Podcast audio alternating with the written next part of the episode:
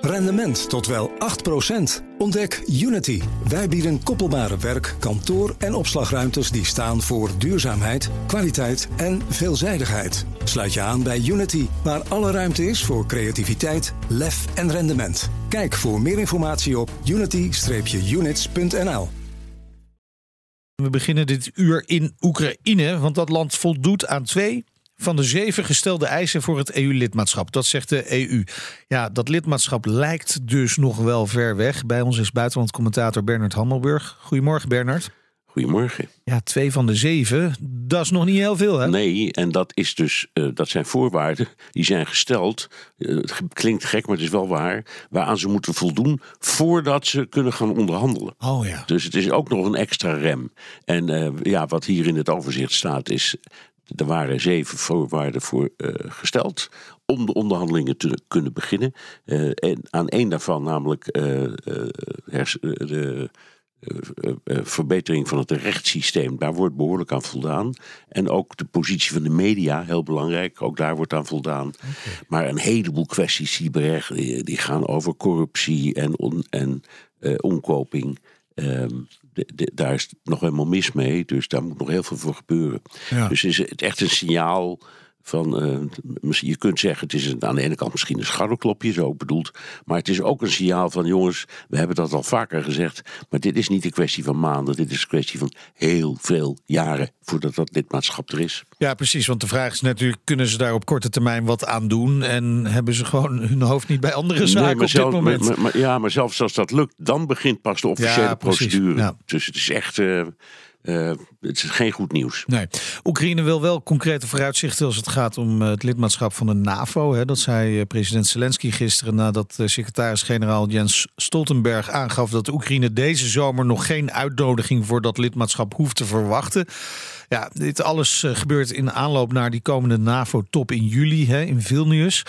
Uh, die, die, vraag van Zelensky, ik kan me voorstellen vanuit zijn optiek, maar de NAVO-landen komen natuurlijk niet met een goed antwoord voor hem. Nee, nee dat natuurlijk niet. En, en de vraag is ook of hij wel zou komen naar die bijeenkomst of niet. Mijn indruk is dat dat nu ook niet gebeurt.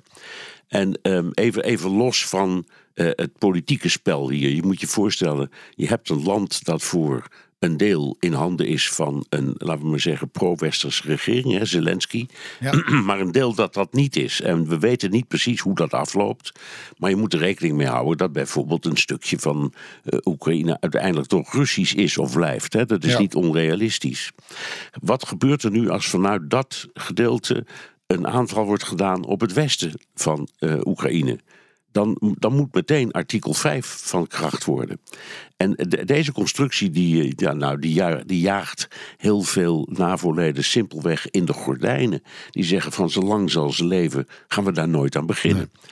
En dat is dus een beetje de tegenstand. Um, en uh, nou, ze doen ontzettend hun best hoor, de, de, de NAVO-leiders. Maar het gaat gewoon niet lukken voorlopig. Dan even naar de situatie op de grond. Hè. Oekraïne beschrijft de strijd aan het front als moeilijk. Tegelijkertijd zegt Zelensky ook nog: we hebben nog geen terrein verloren in het tegenoffensief. Dus we winnen een klein beetje, maar we verliezen ondertussen geen terrein. Wat zegt dit allemaal over de voortgang van dat nou, tegenoffensief? Dat zegt dat aan, dat hele lange, aan die hele lange frontlijn van bijna duizend kilometer, het wat, wat we eigenlijk al maanden zeggen, het gewoon stilstaat. Ja. En er wordt heen en weer gemillimeterd. Uh, ten koste van ongelooflijk veel mensenlevens. Want dat millimeteren, dat kost wel heel veel inspanning, strijd, wapens en ga zo maar door. En mensen. Um, en, maar ja, vorige week kwam er een bericht dat Oekraïne had dan wat veroverd. En wat was het? 100 vierkante kilometer. Ja. Dat is dus 10 bij 10 kilometer, Meindert. Dus dus helemaal niks. Nee. Ik bedoel, het is een paar voetbalvelden en dan heb je het. Dus in die uh, uh, orde van grootte wordt gerekend. Tegelijkertijd is wel duidelijk dat het grootste deel van de oorlog zich niet afspeelt aan het front, maar in de lucht. En er was nu nou. opnieuw een enorme barrage van aanvallen op uh, Kiev en ook op Lviv in, in het westen. En dat, dat wordt steeds heviger. Dus um, ik, ik, ik, ik zeg altijd, ik heb heel erg veel moeite met de definitie van het begrip offensief. Ja. Maar als, als in mijn, ik zal maar zeggen, lekenverstand is het zo dat aan het front gebeurt niks. Maar in Oekraïne zelf wel.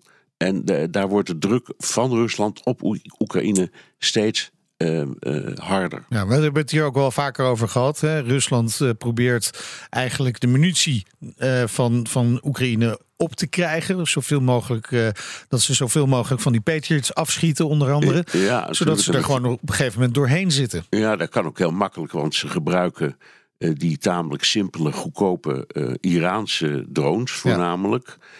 die zijn heel goed en doeltreffend, maar ze kosten niet veel. Dus ze kunnen er heel veel van aanschaffen. Er wordt nu ook gesproken over het bouwen van een dronefabriek in Oekraïne zelf door de Iraniërs. Eh, zodat uh, Oekraïne die dingen zelf in een nog hoger tempo kan maken. En de bedoeling is natuurlijk, heb je voorkomen gelijk in, of die dingen nu doel raken of niet, dat is niet zo belangrijk. Het gaat erom dat elke keer als ze opstijgen, komt het luchtafweer in, in, in werking. En dat zijn natuurlijk niet alleen Patriots, maar ook wat simpeler systemen. En, en Oekraïne gaat, gaat dus in een, in een moordend tempo door zijn munitie heen. Dat is het grootste probleem van dit moment. Dan ondertussen begint morgen de International Ukraine Recovery Conference in Londen, waarbij eh, de wederopbouw van Oekraïne centraal staat. Dan kun je je afvragen: is dit nou echt het moment waar of we met die wederopbouw van Oekraïne bezig moeten zijn. Moeten, uh, moet het Westen niet gewoon bezig zijn met uh, het zorgen dat die wapenleveranties op peil blijven? Ja, en wat dat laatste betreft, er staat een huiveringwekkend verhaal in de New York Times. Nou, um, inderdaad. Over um, uh, hoeveel wapens er zijn afgerekend, maar niet geleverd. Je praat over, over honderden miljoenen, betaald door Oekraïne of door de partners. Um, of ze zijn afgeleverd en ze doen het niet. Of ze zijn waardeloos of het zijn wrakken. Dus het is echt, uh, als, je, als je kijkt naar hoe dat in werkelijkheid gaat, dan slaat de, de, de schrikje om, de, uh, om, om, om je hart.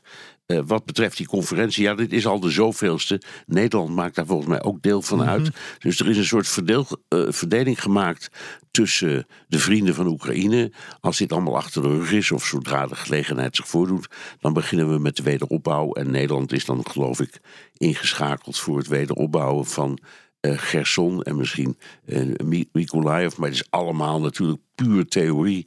Want zolang daar nog zo hard wordt gevochten, ja, ga je gang. Hè? Wie, wie, wil die wederopbouw uitvoeren? Welk bedrijf stapt daarin? En nog veel belangrijker, hoe krijg je de materialen en een verzekering daarvoor? Hoe krijg je die mensen verzekerd? Ondenkbaar. Dus het is een sympathiek uh, initiatief. Het is al een aantal keren gebeurd, die bijeenkomsten. En er wordt elke keer heel optimistisch gezegd: Nou, hier hebben we allemaal hele mooie bouwplannen om die steden hebben we helemaal op te knappen. Maar eh, dat kan natuurlijk niet eerder voordat er een wapenstilstand is. Rendement tot wel 8%. Ontdek Unity. Wij bieden koppelbare werk, kantoor en opslagruimtes die staan voor duurzaamheid, kwaliteit en veelzijdigheid. Sluit je aan bij Unity, waar alle ruimte is voor creativiteit, lef en rendement. Kijk voor meer informatie op unity-units.nl.